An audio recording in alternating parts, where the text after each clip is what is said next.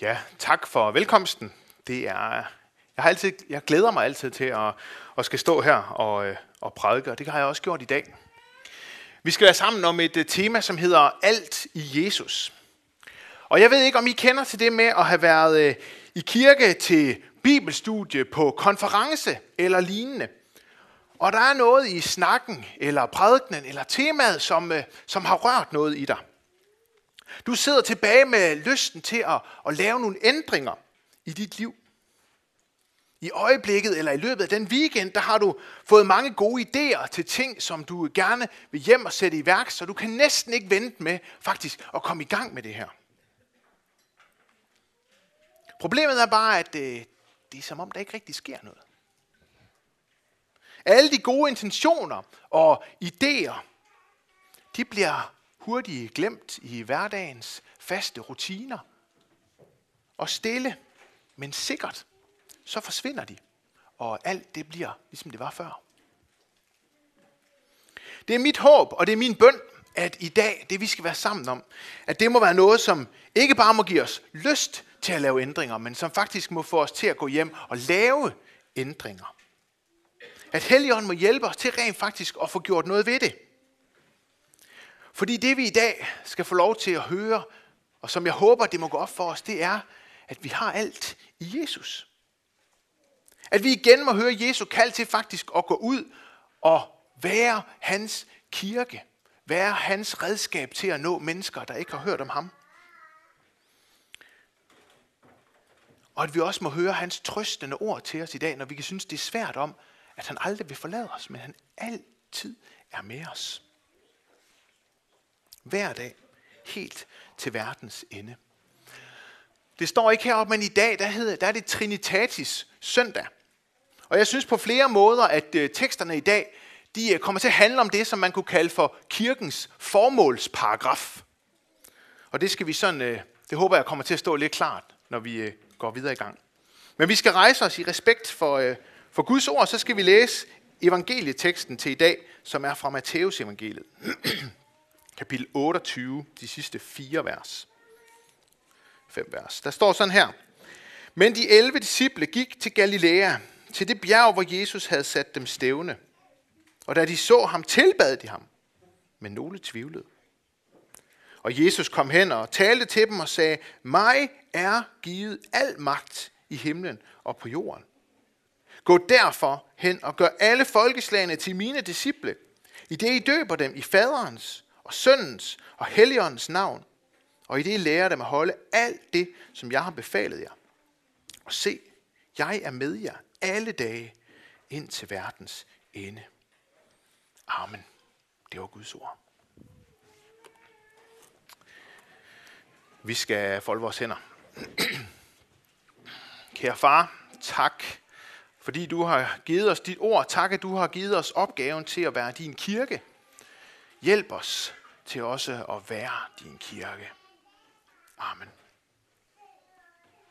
Som jeg sagde før, så er det i dag Trinitatis søndag. Og det markerer sådan indgangen til den længste periode, vi har i vores kirkeår, som varer fra nu af og så helt ind til kirkeårets afslutning, første søndag i advent. Det er kun lige øh, alle helgen, der kommer ind midt imellem. Ellers så er det Trinitatis fra nu af. Og Trinitatis, det er latinsk, og det betyder treenighed. Øhm, og det er faktisk en kirkelig festdag, synes jeg. En festdag, som markerer treenigheden Gud Fader, Gud Søn og Gud Helligånd. Og på en måde, så kommer den her søndag også til at markere sådan en, en afslutning på det sådan festhalvår, vi har haft fra første søndag advent ind til nu. Hvor vi først har fejret jul, hvor Gud han viste sin magt ved at lade Jesus, hans søn, blive født som menneske af en jomfru og på den måde for alvor begynde sin frelsesplan. Så har vi fejret påske, hvor vi har hørt om, hvordan Jesus, han på trods af, at han vidste, hvad der ventede ham, gik smertens og lidelsens og dødens vej, og døde og opstod for os. Så kom Kristi himmelfart, hvor disciplene fik lov til at se Jesus blive båret væk for øjnene af ham, men hvor han også sagde til dem, at han skulle gå væk for, at der skulle komme en anden, som skulle hjælpe os. Og så pinsen, som vi næsten lige har fejret, hvor Helligånden kom, og hvor disciplene fik lov til på vidunderlig vis at prædike på sprog, de ikke kendte. Nu har vi altså fejret treenigheden hver for sig. Og fra i dag så skifter fokus i de tekster, vi kommer til herom, når vi er samlet til Guds tjeneste. Fordi nu kommer de til at handle om det levede liv. I troen på den treenighed, som vi har fejret. Man kunne måske sige, at nu skal arbejdstøjet på, nu skal discipleskabstøjet, nu skal det tages på. Og nu skal vi i gang. Og som jeg sagde, så synes jeg faktisk godt, man kan sige, at teksterne i dag, de sådan lidt har en formålsparagraf. Kirkens formålsparagraf. Som vi sang lige før, så der sang vi, at Guds søn har stiftet på jorden et åndeligt rige. Og Jesu rige, det er ikke sådan et almindeligt rige. Alle andre riger igennem verdenshistorien, de har været store, og så på et eller andet tidspunkt, så er de smuldret. Men det her det er et rige, som skal bestå til evig tid. Kirken, som Jesus han har startet, det ønsker Gud skal være hans redskab til at tale til mennesker. Det skal ikke være bygninger, det skal ikke være mursten, det skal ikke være som klokker, der ringer hver søndag. Nej, han ønsker, at det skal være som levende mennesker, der går til levende mennesker og forkynder om den frelser, de kender. Forkynder om Jesus, som de ved er den eneste, der er værd at bygge sit liv på. Han ønsker, at det skal være mennesker, der midt i en eller anden form for ørken har fundet en oase med livgivende vand, som skal gives videre. Gennem kirken, gennem os, gennem dig og gennem mig, der ønsker Gud at få lov til at tale med mennesker, som ikke har hørt om ham. Og det synes jeg lige netop er, hvad den her tekst fra Matteus evangeliet fortæller os om. Men inden vi sådan lige går i dybden med den, så lad os lige tage sådan en lille optakt. Disciplene, der står de på vej til et bjerg i Galilea, fordi Jesus han har sat dem stævne. Han har sagt, at der vil jeg møde jer. Og det er ikke første gang, at Jesus han fører disciplene op på et bjerg. Det læser vi også øh, andre steder, som vi dog ikke har tid til at, at gå i dybden med i dag. Jeg er helt sikker på, at Jesus han sætter dem stævne. Han beder dem om at gå væk, fordi det han nu vil fortælle dem, det er så vigtigt, at han simpelthen vil have deres udelte opmærksomhed. Og som sådan en eller anden sidebemærkning, så tror jeg, at her er noget, som vi måske ret hurtigt kan, kan løbe hen over. De her sådan små detaljer. Men jeg har godt tænkt mig lige at bruge lidt tid på det her med bjerge. Fordi jeg er helt sikker på, at det er så vigtigt, at vi, at du og jeg i vores liv også har de her bjerge, som vi søger hen, hvor Jesus han kan få vores udelte opmærksomhed. Hvad end det så er over morgenkaffen om morgenen før skole eller før arbejde, eller før børnene de måske står op. Om det er på gåturen i skoven efter arbejde, eller løbeturen langs de blomstrede marker, eller det er i den stille aftentid, når der er ro i hjemmet, hvor vi kan lade tankerne fra dagen far væk, og så få lov til at sætte os i stillhed og læse og bede. Det er sådan set ikke så vigtigt, hvornår eller hvor. Det vigtigste er bare, at den her tid er der. Og det er noget, vi må arbejde for. Det er ikke bare en ting, der kommer af sig selv, fordi det her det er noget, som for langt de fleste er svært, fordi vores hverdag den bare kører. Men det er så vigtigt, at vi tænker over, hvornår det vil kunne fungere for os. At du afprøver det, og at du så faktisk giver det en mulighed og holder ud. For det er vigtigt. Det er vigtigt, at du har de tidspunkter, at du har dine bjerge, hvor Jesus han har din udelte opmærksomhed, så han kan tale til dig, så du kan lytte, hvad han har at sige. Det var sådan lige en sidebemærkning, men gå hjem og tænk over, om du har de her bjerge, og hvor det kunne være. Men Jesus han sætter altså disciplene stævne, fordi nu har han lige en sidste ting, som han gerne vil fortælle dem. Han vil nemlig fortælle dem om, hvad der nu skal ske. For nu er det nemlig dem, der skal gå med budskabet.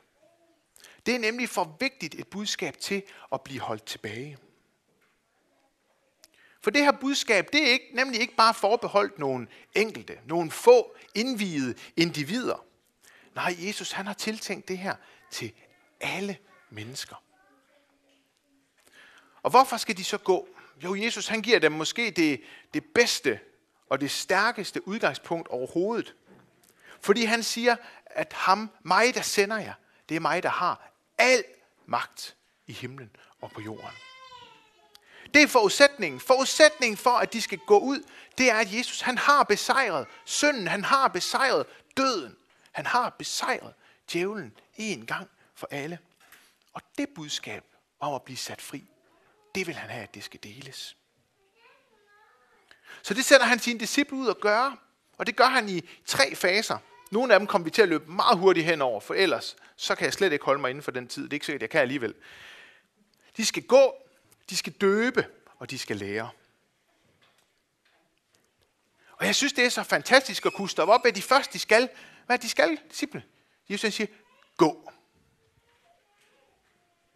Er det ikke fantastisk at tænke på? Det kan stort set alle mennesker, de kan gå. Kom fremad, det er ikke specielt svært for de fleste af os. I hvert fald ikke sådan fysisk.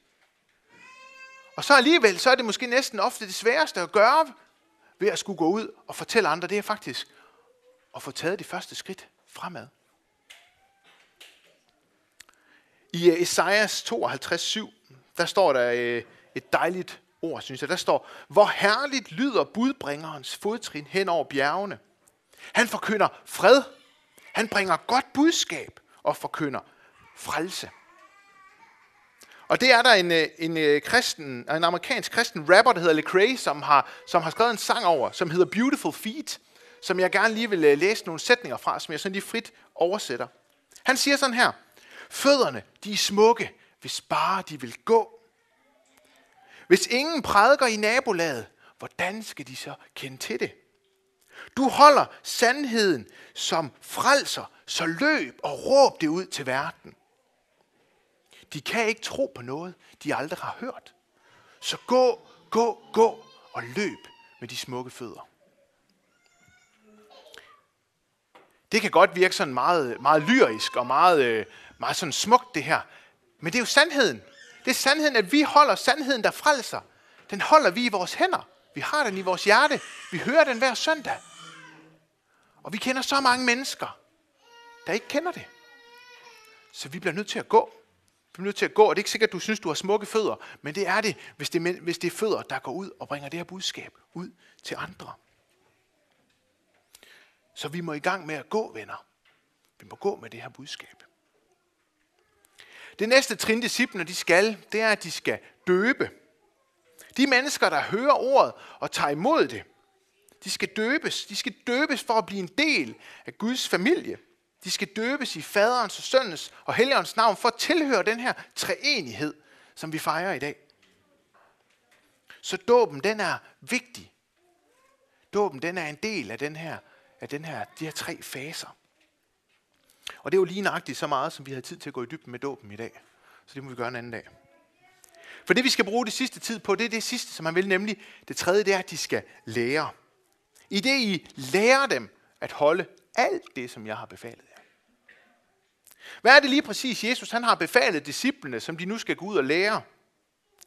De har jo trods alt været sammen med ham i, i tre år, og dem, som har, som har læst øh, øh evangelierne, de ved, at Jesus han har nået at sige ikke så lidt i løbet af, af tre år. Hvis det var mig, så ville jeg have svært ved at huske alt det, som han havde sagt i løbet af tre år. Så er det alt det, de skal gå med. Jeg tror egentlig, det er både et, et ja og et nej til det spørgsmål. Ja, der er rigtig mange ting, Jesus har sagt, som han faktisk ønsker, at disciplene skal gå ud og lære andre mennesker. Der er mange ting, som Jesus han ved, at det er godt for os at leve på den her måde. Der er en masse bud, han har givet, som han ved, jamen det er faktisk godt at leve på den her måde. Det er godt at overholde de her bud. For eksempel har han givet de 10 bud. Han har givet det dobbelte kærlighedsbud om at elske Herren din Gud af hele din sjæl, sind, styrke og hjerte, og din næste som dig selv. Og hvis man bare tager de to ting, så er det ikke så lidt endda, selvom det ikke har taget Jesus så lang tid at sige. Jeg kan i hvert fald sige, når jeg sætter mit liv op i forhold til det, så må jeg kende, det magter jeg ikke at efterleve de to ting. Og netop derfor tror jeg også faktisk, at det er et nej. Og det synes jeg, at øh, teksten fra Efeserbrevet er et ret godt eksempel på. Det her med, at det er et nej til, at livet som kristen ikke handler om at skulle leve perfekt. Ikke handler om at skulle kunne overholde alle Guds bud. Og jeg tror slet ikke, det er sådan helt tilfældigt, at netop teksten fra Efeserbrevet er tekst samme dag som øh, missionsbefalingen. Og det var derfor, jeg bad jer om at, at følge rigtig godt med, fordi nu kommer vi sådan til lige at gå lidt ned i. Og jeg har simpelthen valgt, for ikke at, at gøre det for langt, at, øh, at jeg kommer til at sige nogle af de ting, der står der, og så må I selv gå hjem og læse teksten en gang til og se, var det nu rigtigt, det han sagde ham, Mathias? Ofte så kan Paulus være kringlet at læse, men jeg synes lige her, der er der også masser, som er let tilgængeligt. I vers 3, der starter Paulus med at sige, at i Kristus er vi blevet velsignet med al himlens åndelige rigdom. Men grunden til, at vi er blevet velsignet, det er ikke i os selv. Nej, det er i Kristus. Det er på grund af ham. Jesus han siger selv, at ingen kommer til faderen uden ved mig. Det er forudsætningen for det, Paulus han bruger de næste mange vers på at sige, det er, at det er i Kristus, at vi bliver velsignet.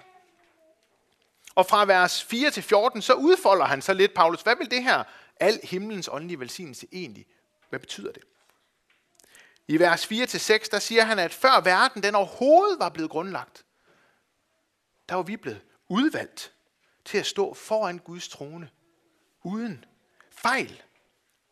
Vi var forudbestemt til at have barnekår hos Gud. Prøv lige at stoppe op ved de to fuldstændig vanvittige udsagn. At før verden overhovedet var blevet til, der havde Gud faktisk udvalgt lige netop dig til at skulle stå foran Guds trone. Som et barn af den almægtige fejlfri. Jeg kan i hvert fald sige, at jeg er på ingen måde fejlfri. Jeg har ikke gjort noget som helst for at kunne gøre mig fortjent til at skulle stå foran den perfekte, foran den almægtige, og skulle stå der fejlfri. Men netop derfor så ligger Paulus også vægt på, i vers 4, der siger han, at det er i ham, altså i Jesus, i vers 5 skriver han, at det er ved Jesus Kristus.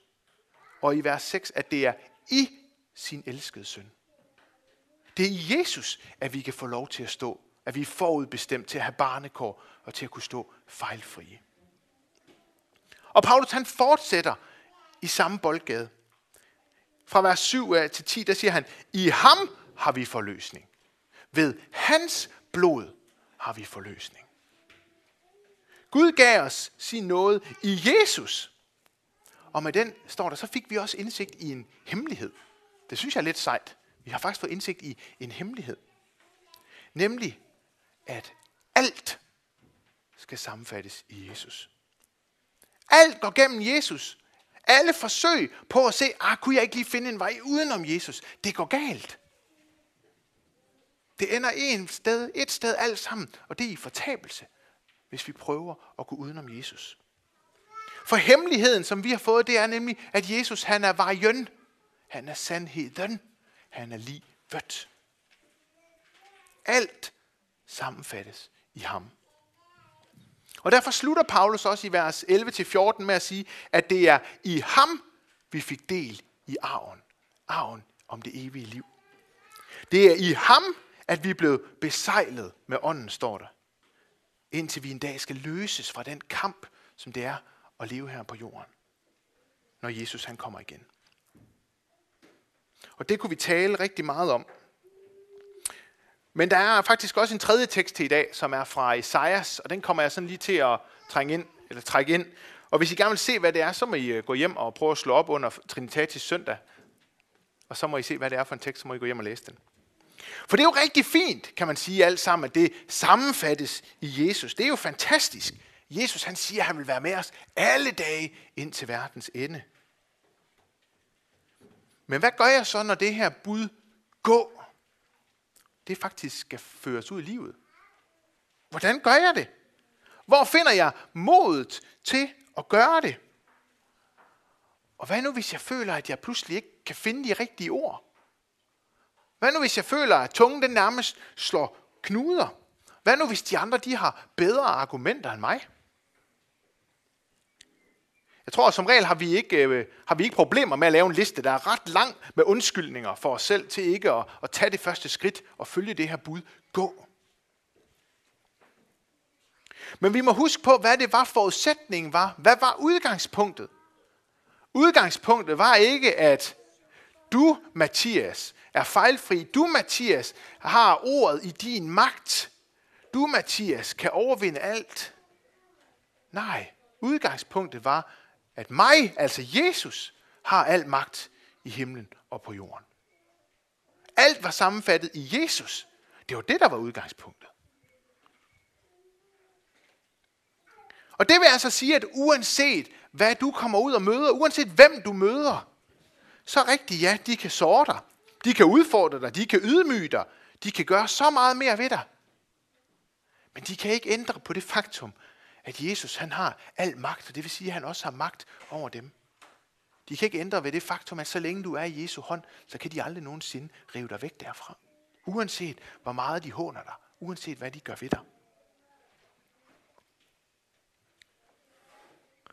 Og samtidig så er det jo netop også i det her, synes jeg, at vi nogle gange møder den stærkeste grund til, hvorfor det egentlig er, vi skal gå.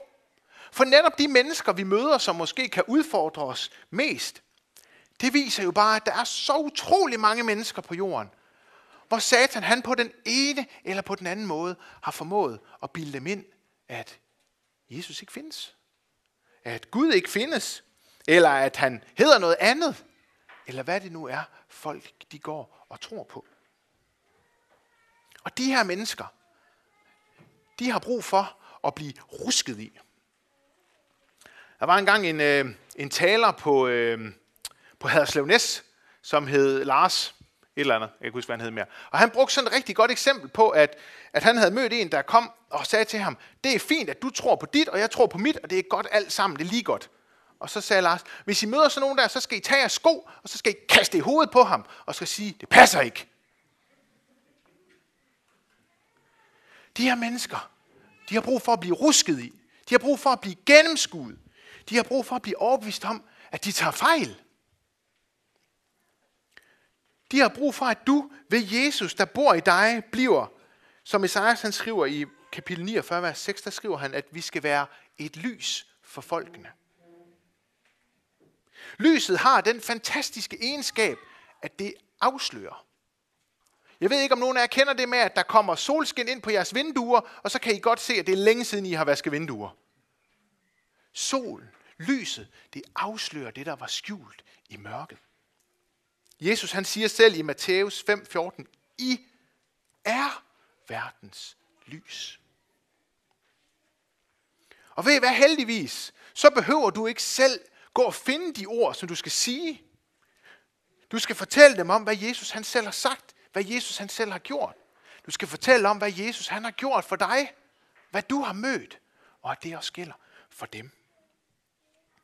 Og her synes jeg, at Bibelen i sig selv har mange fantastisk opmuntrende ord. Esajas han skriver også det så i kapitel 49, der beskriver han Jesu mund, altså Jesu ord, som et skarpt svær og som en spids pil. Og kendetegnet for begge de her to, det er, at de er gennemtrængende. Jesu ord ikke bare kan, men vil gennemtrænge satans forsvarsværker. Alt det, som Satan har brugt lang tid og finurlige måder på at bygge op som et forsvarsværk mod, at Jesus skulle kunne komme ind, det kan Jesus gennembryde. Det kan Jesus nedbryde. Det er kun Jesus, der kan vriste mennesker fri af satans magt. Det er kun ordet om Jesus som verdens frelser, som kan sætte mennesker fri. Fri fra os selv at skulle være dem, man bygger sit liv på, og til at kunne bygge sit liv på ham. Men hvis ingen bringer dem ordet, hvordan skal de så vide det? Hvis ingen tager imod Jesu udfordring til at gå, til at være lys for folk, til at gå med de smukke fødder, så finder de aldrig ud af, at det, de bygger deres liv på, det er en løgn. Og at det, de dybest set mangler derinde, det kan de få i Jesus. Så det vil blive min udfordring, og min opfordring, og min opmundring til dig i dag. Det er at høre det her ord, gå, også til dig. Hør Jesu opfordring lige netop til dig, og tag ham så på ordet, når du går og siger, Jesus, så må du også være med mig alle dage ind til verdens ende. Så må du også gennem Helligånden tale de ord, som jeg skal sige. Læs om hans kærlighed til dig, og få lov til at se andre mennesker med hans øjne, at de ord, de også gælder dem. Han døde for dig, men han døde også for din kollega, for din nabo, for din studiekammerat. Han døde faktisk også for din fjende. Og så vil jeg slutte med et par linjer fra en sang, som vi skal synge som den sidste i dag, som jeg synes er en fantastisk opmundring. Og den vil jeg lige, jeg vil læse sætningen to gange. Der står, Søndens død har mødt sin overmagt. Jesus, du har døden underlagt. Det er vores håb, og det står fast. Syndens død har mødt sin overmagt. Jesus, du har døden underlagt. Det er vores håb, og det står fast. Amen. Vi skal bede sammen.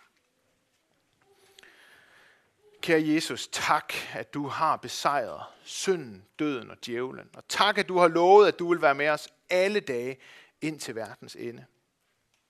Jeg vil bede dig om, Helligånd, at du også vil komme og tage bolig hos os, og du vil hjælpe os til at tage skridtet fremad og gå med budskabet, så andre mennesker kan få lov til at se, at det også gælder dem.